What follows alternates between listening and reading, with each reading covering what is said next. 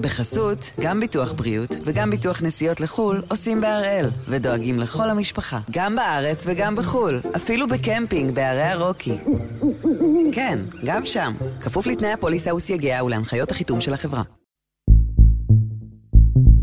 היום יום רביעי, 4 באוגוסט, ואנחנו אחד ביום, מבית N12.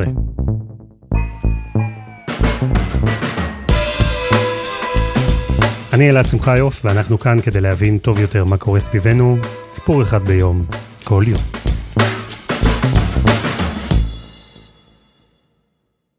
יצא לכם לחשוב על הפנסיה שלכם? לא, לא, אני לא מנסה למכור לכם פוליסה או משהו כזה, רק מתעניין. מה אתם מדמיינים? טיולים בעולם? סוף סוף לפתח את התחביב הזה שתמיד רציתם ולא היה לכם זמן? לבלות עם המשפחה? חלום, נכון? וכמה זמן תרצו, או כמה זמן תוכלו לחיות ככה? שנה? שלוש? עשר? אז זהו, שאם את אישה בישראל, בהחלט יכול להיות שתמצאי את עצמך בפנסיה יותר מ-22 שנה. כי זה מה שקורה כשתוחלת החיים הממוצעת היא כמעט 85, וגיל הפרישה הוא 62. וזה המון זמן. ויש עם זה המון בעיות. בעיות לנשים, אפליה, נטל על הדור הצעיר, הכבדה על הכלכלה, ובינינו, כמה אפשר לסדר את אלבומי התמונות או לטייל בטנזניה. אז הפעם אנחנו עם הרפורמה שתעלה את גיל הפרישה לנשים. מיכל פעילן, כתבתנו לענייני רווחה, תסביר שנכון, יש בזה יתרונות, אבל גם לא מעט בעיות.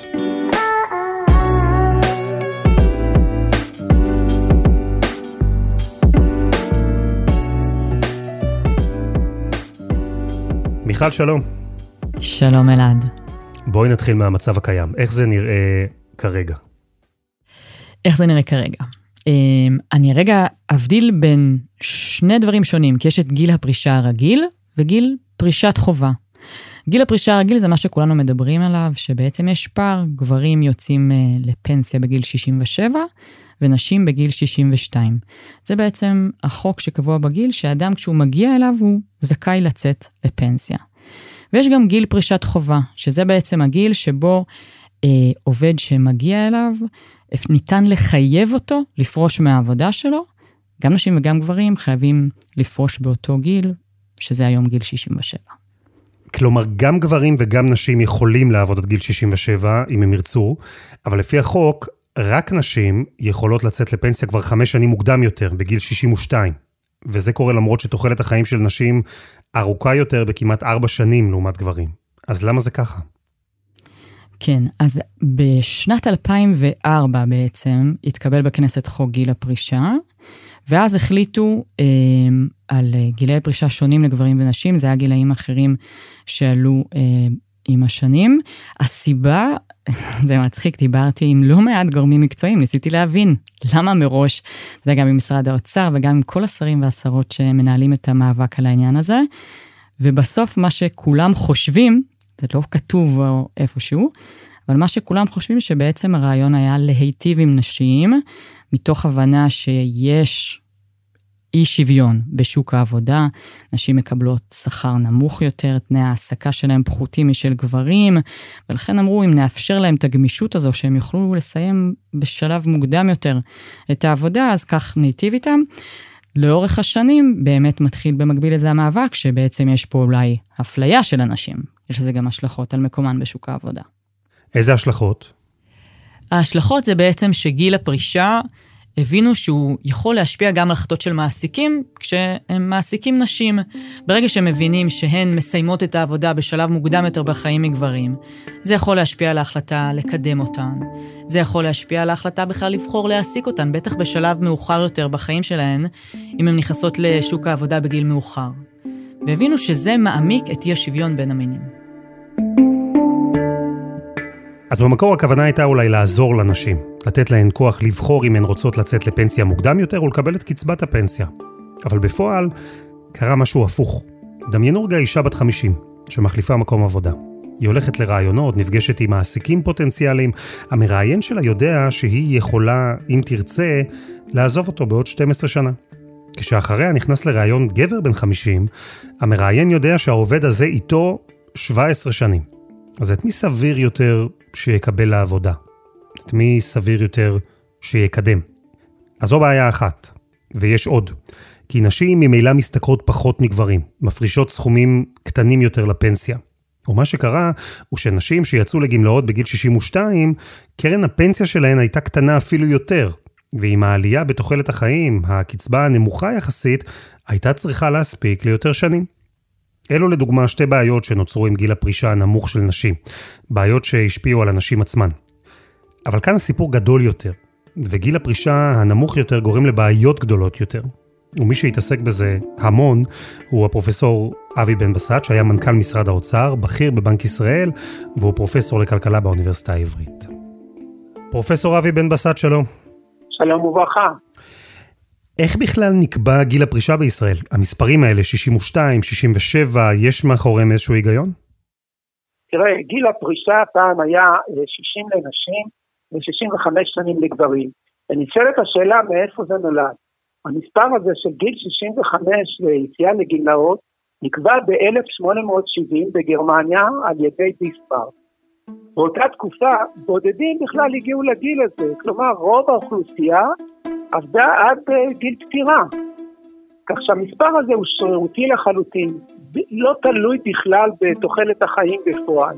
העולם התחיל להתעורר לבעיה הזאת בשלב הרבה יותר מאוחר, בערך לפני 30-40 שנה, לא קודם לכן. אז התחילו להבין שאנחנו נמצאים בבעיה, שהיחס בין המפרנסים לבין כלל האוכלוסייה הולך אה, ויורד, ולכן זה נושא שהפך יותר ויותר אקוטי. וכשאתה אומר שהתחילו להבין שיש בעיה, אתה לא מתכוון רק לישראל, נכון? כי הסוגיה הזו היא בעצם יותר גדולה מאיתנו. בוודאי, תראה, הבעיה היא לא רק בעיה ישראלית, הבעיה היא בעיה עולמית. היום אנחנו מתייחסים אה, לעובדים כאלה שנמצאים בגילאים 20-64, ולפנסיונרים אלה שנמצאים מעל גיל 65. אז בואו נראה את ה, מה קרה ליחס הזה. אם אתה מסתכל על היחס הזה, בממוצע מדינות ה-OECD, ב-1950 הוא היה 14 אחוזים. היחס הזה עלה ל-28 אחוזים ב-2015, וב-2050 היחס הזה יהיה 53 אחוזים, כלומר, על כל עובד יהיה פנסיונר. זה הממוצע של ה-OECD. הממוצע ביפן לדוגמה, ששם המצב החמור ביותר, לאין ארוך גר, גרוע יותר. 78 אחוזים, כלומר, על כל עובד ביפן ב-2050 יהיו שני פנסיונרים. זו תופעה ממש מדאיגה ביותר. ולכן העולם נחלט עוד הרבה לפנינו לטפל בבעיה הזו. גם אצלנו חלו שינויים. בעבר הרחוק, ב-1950, הבעיה הייתה יחסית קלה, משקל הפנסיונר, היחס, משקל הפנסיונרים באוכלוסייה היה בסך הכל 4 אחוזים, אבל היום הוא כבר מגיע לסדרי גודל של 12 אחוזים. אז ישראל אולי נהנתה מהעובדה שהיא מדינה צעירה והצליחה איכשהו להתחמק יותר זמן מהתמודדות עם הבעיה הזו, אבל צריך להבין, כשאדם נמצא 20 שנה בפנסיה, מישהו צריך לממן אותו במשך התקופה הזו, וזה באופן טבעי עולה יותר מאשר מישהו שנמצא בפנסיה 10 שנים. נכון, נכון, זאת, זאת בדיוק הבעיה, היחס בין מספר האנשים העובדים לבין אה, הפנסיונרים. בעצם משקל האוכלוסייה שלא עובד גדל. מי מפרנס אותם? הצעירים מפרנסים אותם. בעצם אנחנו מטילים על הצעירים באוכלוסייה, אלה שבגיל העבודה בין גיל 20 ל-64, נטל הולך וגדל. אז זהו, שזה הטיעון המרכזי בדיון לטובת העלאת גיל הפרישה. שעם העלייה בתוחלת החיים וגם באיכות החיים בגיל המבוגר, אז הדור הצעיר יותר, זה שעובד ומשלם מיסים, הוא בעצם מחזיק על הגב שכבה שהולכת וגדלה של גמלאים. באופן הזה, אפשר בכלל לנהל כלכלה בריאה? לא, קשה מאוד, זה יגרום בוודאי לירידה ברמת החיים אם נהיה אדישים לזה, אבל לא צריך להיות אדישים לזה, יש גם פתרונות. והפתרון הפשוט ביותר והמתחייב הוא לשנות את גיל הפרישה. היום אדם בגיל 65 הוא בכושר לאין ארוך יותר טוב מאשר היה לפני 30 או 40 שנה, הוא יכול לעבוד יותר שנים. ולכן הפתרון, יש פתרון לבעיה הזאת, לדחות את גיל הפרישה. ואגב, זו בדיוק המגמה בכל העולם, לדחות את גיל הפרישה. זאת בעיה של כל האנשים, ללא קשר למגדר, נשים וגברים כאחד, ולכן לגבי שניהם נדרשת התאמה. גם לגבי גברים. צריך להצמיד את גיל הפרישה לתוחלת החיים. ואני אגלה לך שאני בן 77 ואני עובד באופן מלא. נכון, ללא שכר, חי מהפנסיה שלי, אבל עובד ממש באופן מלא. ומרגיש שעצם העבודה עצמה אה, משפרת את מצב בריאותי ברמה הכללית. עד 120. אה, פרופסור אבי בן בסט, תודה רבה. תודה רבה גם לכם.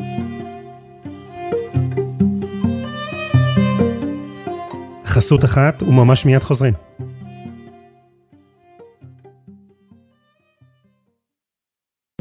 בחסות, גם ביטוח בריאות וגם ביטוח נסיעות לחו"ל עושים בהראל, ודואגים לכל המשפחה, גם בארץ וגם בחו"ל, אפילו בקמפינג בערי הרוקי. כן, גם שם, כפוף לתנאי הפוליסה וסייגיה ולהנחיות החיתום של החברה. מיכל, דיברנו על הבעיות במצב הזה שבו גיל הפרישה לא מתאים לתוחלת החיים, וגם לבעיות במצב הזה שבו גיל הפרישה של נשים הוא לא שוויוני, לזה של הגברים. זה מצב שאולי נולד כדי לעזור לנשים, בסוף התברר שהוא פוגע לפחות בחלקן. למה המצב הזה לא שונה עד היום? תראה, למה זה לא שונה? כי אוהבים פשוט לדחות פה דברים. זה, זה התשובה הראשונה. ובעיקר המון התנגדות גם של חברות כנסת ושרות, וגם של ארגונים אזרחיים וארגוני הנשים, נגד העלאת גיל הפרישה, מחשש לפגיעה בנשים מוחלשות. עדיין יש פה בני אדם, לא רק טבלאות אקסל. ואנחנו לא נאפשר לכם, לא נאפשר לכם להעביר את החקיקה הזאת כל עוד לא תמצאו פתרון. שאתה יודע מה, גפני, מה מרגיז בזה? זה כל כך מעט נשים. זה גם לא עולה הרבה כסף. אז זו נקודה חשובה, כי אם דיברנו על היתרונות בהעלאת גיל הפרישה, אז פה אנחנו רואים שיש גם חסרונות בזה, שגם הצעד הזה יכול לפגוע בנשים. מי למשל? אני פגשתי את uh, תפארת נחום. היא מטפלת סיעודית בקשישים, שנראה לי שכל אחד מאיתנו יכול לדמיין כמה זו עבודה קשה, גם לנפש וגם לגוף, ובטח כמה היא קשה אם אתה אדם מבוגר, אם את אישה מבוגרת. זה ממש מרתון. פתאום את שומעת אה, זעקה מפה, או בקשה מפה, והטלפון שלנו 24-7. זה לסחוב, זה להביא, זה לא, להביא מסמכים, זה להוציא כסף. אנחנו בשבילהם עולמם. עכשיו, היא, בגיל 62, אמורה לצאת לפנסיה, וסוף סוף, לכאורה, לנשום לרווחה, או אתה יודע, היא במקרה שלה ספציפית לטפל באימא שלה, שהיא חיה איתה, שמצבה הבריאותי לא טוב, וכרגע היא עושה את שני הדברים במקביל. אבל באה המדינה ואומרת, אוקיי, מעכשיו, לא בגיל 62, אנחנו דוחים את זה. בסופו של דבר, נשים כמו תפארת ייאלצו לעבוד בעבודה הזו עוד שלוש שנים, וזו עבודה שכבר בגיל 62 קשה להן לעבוד בה. 20 שנה אני עובדת, אין לי שום תנאים, אין לי כלום. אנחנו מטפלים בסבא וסבתא, באבא ואימא, ואנחנו שם בשבילהם. וזה דבר חשוב, כי בעצם ברגע שלוקחים מנשים את האפשרות לצאת לפנסיה בגיל 62, אז כן, אפשר לראות את הנשים שהיו מעדיפות להמשיך לעבוד, אבל יש גם נשים אחרות. נשים שעובדות במקצועות שוחקים, שרצו לצאת לגמלאות ולקבל את הקצבה, שעבורן עוד כמה שנים של עבודה, זה דבר שהוא מאוד מאוד קשה. החשש הוא בפגיעה בנשים שהן מוחלשות. זאת אומרת, נשים גם שההכנסה שלהן אה, נמוכה, שהן עובדות בתנאי העסקה ירודים, או בשם אה, שמשתמשים בו, שעובדות במקצועות שוחקים, בסדר? זה גם מקצועות שקשה פיזית לעשות אותם בגיל מבוגר, ואז לא רוצים שהם בעצם לגרום להם עוד שנים של עבודה קשה פיזית, אבל גם עבודה שהיא לא מתגמלת, והם ימשיכו לעבוד בעבודה אה, כזו. וגם נשים שבעצם הוצאו משוק העבודה בגיל מבוגר, ולא מצליחות לחזור. יש קושי מאוד גדול, גם לנשים וגם לגברים, להיכנס לשוק העבודה בגיל מבוגר. אנשים שיצאו ממעגל העבודה בגילאי 50 פלוס, היום זה אפילו 40 פלוס, מתקשים מאוד לחזור לשוק העבודה, כי מעסיקים לא רוצים אנשים מבוגרים. מדינה לא עושה הרבה היום כדי לעודד העסקה של האוכלוסייה המבוגרת. פה למשל תמריצים למעסיקים, הטבות במס, זה לא קיים היום. עכשיו, יש האוכלוסייה הזו, אם אנחנו מסתכלים על גברים ונשים בנפרד, אז נשים עוד יותר קשה להן לחזור לשוק העבודה בגיל מבוגר. ואז אומרים, יש פה נשים מבוגרות שמצאו את עצמן מחוץ לשוק התעסוקה, ולא מצליחות לחזור, ואתם בעצם אומרים להן, אתם עוד שלוש שנים נוספות, לא תהיה לכם שום הכנסה. כלומר, יש שתי קבוצות עיקריות שייפגעו מהעלאת גיל הפרישה. אחת היא אותן נשים שעובדות במקצועות שוחקים, והשנייה היא נשים שלא מצליחות למצוא תעסוקה בגיל מתקדם, ועכשיו בעצם, מה יקרה להן?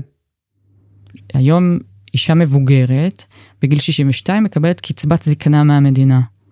שזו קצבה שהיא בערך עומדת על 3,000 שקלים, שמזה היא אמורה להתפרנס אם אין לה פנסיה, אם יש לה זה בנוסף לפנסיה, ובעצם ברגע שאתה דוחה את גיל הפרישה, אז אתה דוחה את הגיל שבו הן מקבלות את התמיכה הכלכלית מהמדינה, את הקצבה הזו. ובמקום שבגיל 62 המדינה, המדינה תיתן להן גב כלכלי, המדינה נותנת להן גב כלכלי בגיל 65. זה עוד שלוש שנים שהן אמורות, מה? לפרנס את עצמם לכאורה, לצאת ולחפש עבודה. אז גם, בוא, מה הסיכויים שהם ימצאו עבודה?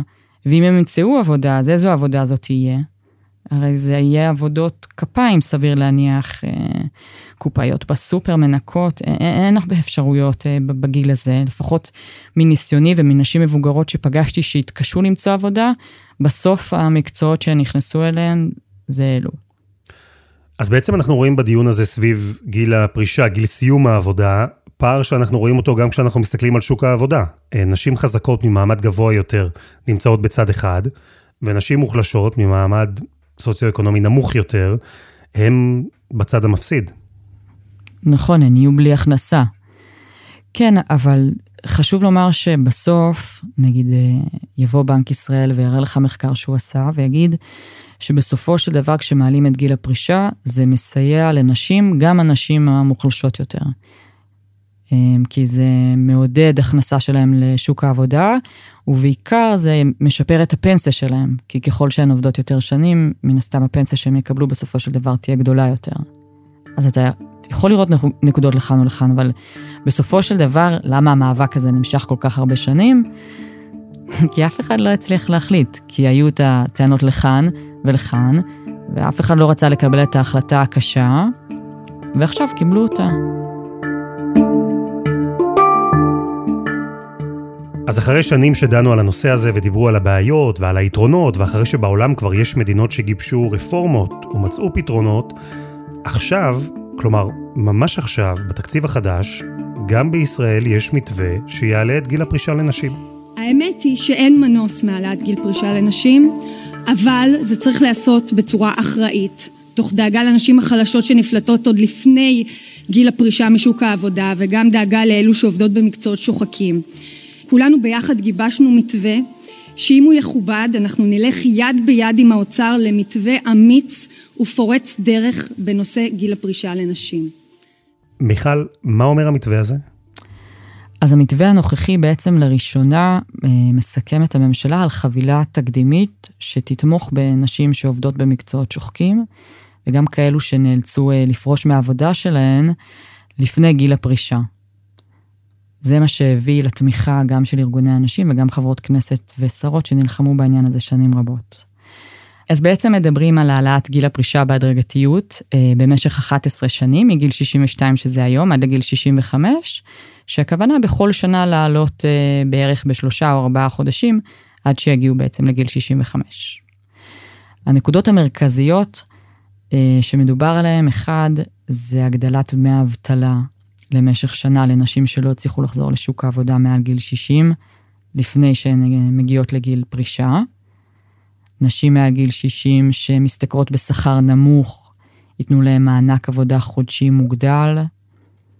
מדברים על בערך 400 מיליון שקלים שהולכים להשקיע בעשור הקרוב להכשרות מקצועיות, כדי לעודד נשים מבוגרות שלא מוצאות עבודה להיכנס חזרה לשוק העבודה. ובנוסף, שזו נקודה חשובה בעיניי, זה ייעשה בתוספת של דמי קיום של 2,500 שקל לחודש, זאת אומרת לא רק נדרוש מהם הכשרות, אלא גם נשלם להם. אז בעצם עם גיבוש חבילת הסיוע הזו, לאותה שכבה של נשים מוחלשות, בין אם אלו עובדות בעבודות שוחקות או מובטלות, נסללה הדרך לרפורמה הזו לעבור. וארגוני הנשים כבר לא התנגדו כמו בעבר, והמתווה הזה עבר בחוק ההסדרים מחדש. וכל הצעדים האלה, אה, הכשרות, דמי אבטלה, קצבה בנוסף למשכורת, זה מספיק? מה את חושבת על זה? תראה, אני מאמינה שבסופו של דבר, כדי לייצר שוויון אמיתי בשוק העבודה, צריך להיות שוויון גם בגיל הפרישה. אה, וזה אומר, עכשיו אנחנו מדברים על העלאה לגיל 65, כן? זה עדיין לא שוויון מלא. אה, שבסופו של דבר, ושוב אני מדברת על תהליכים של שנים קדימה, כדי שבאמת נוכל לראות איזשהו שיפור במעמד של נשים במקומות העבודה, צריך לייצר שוויון גם בעניין הזה. אבל אי אפשר לייצר את זה רק בעניין הזה. זה חייב לבוא בעוד עשרות דברים אחרים שאין בהם שוויון. אם זה למשל חופשת לידה, אם זה למשל פערי שכר, אם זה ימי מחלה שאימא יכולה לקחת אה, עם הבן שלה, או אבא לוקח עם הבן שלו. כדי שבאמת ייווצר פה שינוי אמיתי, הוא צריך להיות כולל. אז נכון, צריך להתחיל איפשהו, אבל אני חושבת שכדי אה, שנבטיח שנשים מוחלשות לא ייפגעו במהלך המאוד מאוד דרמטי הזה, החבילה שמציעים כאן במתווה היא אכן משמעותית, היא משמעותית. בעיניי הייתה צריכה להיות משמעותית יותר.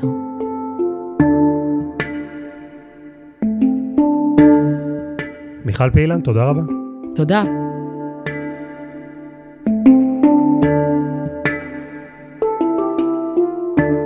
וזה היה אחד ביום, של N12.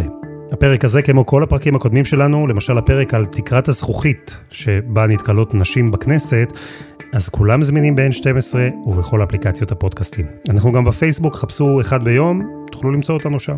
העורך שלנו הוא רום אטיק, בצוות דני נודלמן ועדי חצרוני, על הסאונד יאיר בשן שגם יצר את מוזיקת הפתיחה שלנו, ואני אלעד שמחיוף, ואנחנו נהיה כאן שוב בשבוע הבא.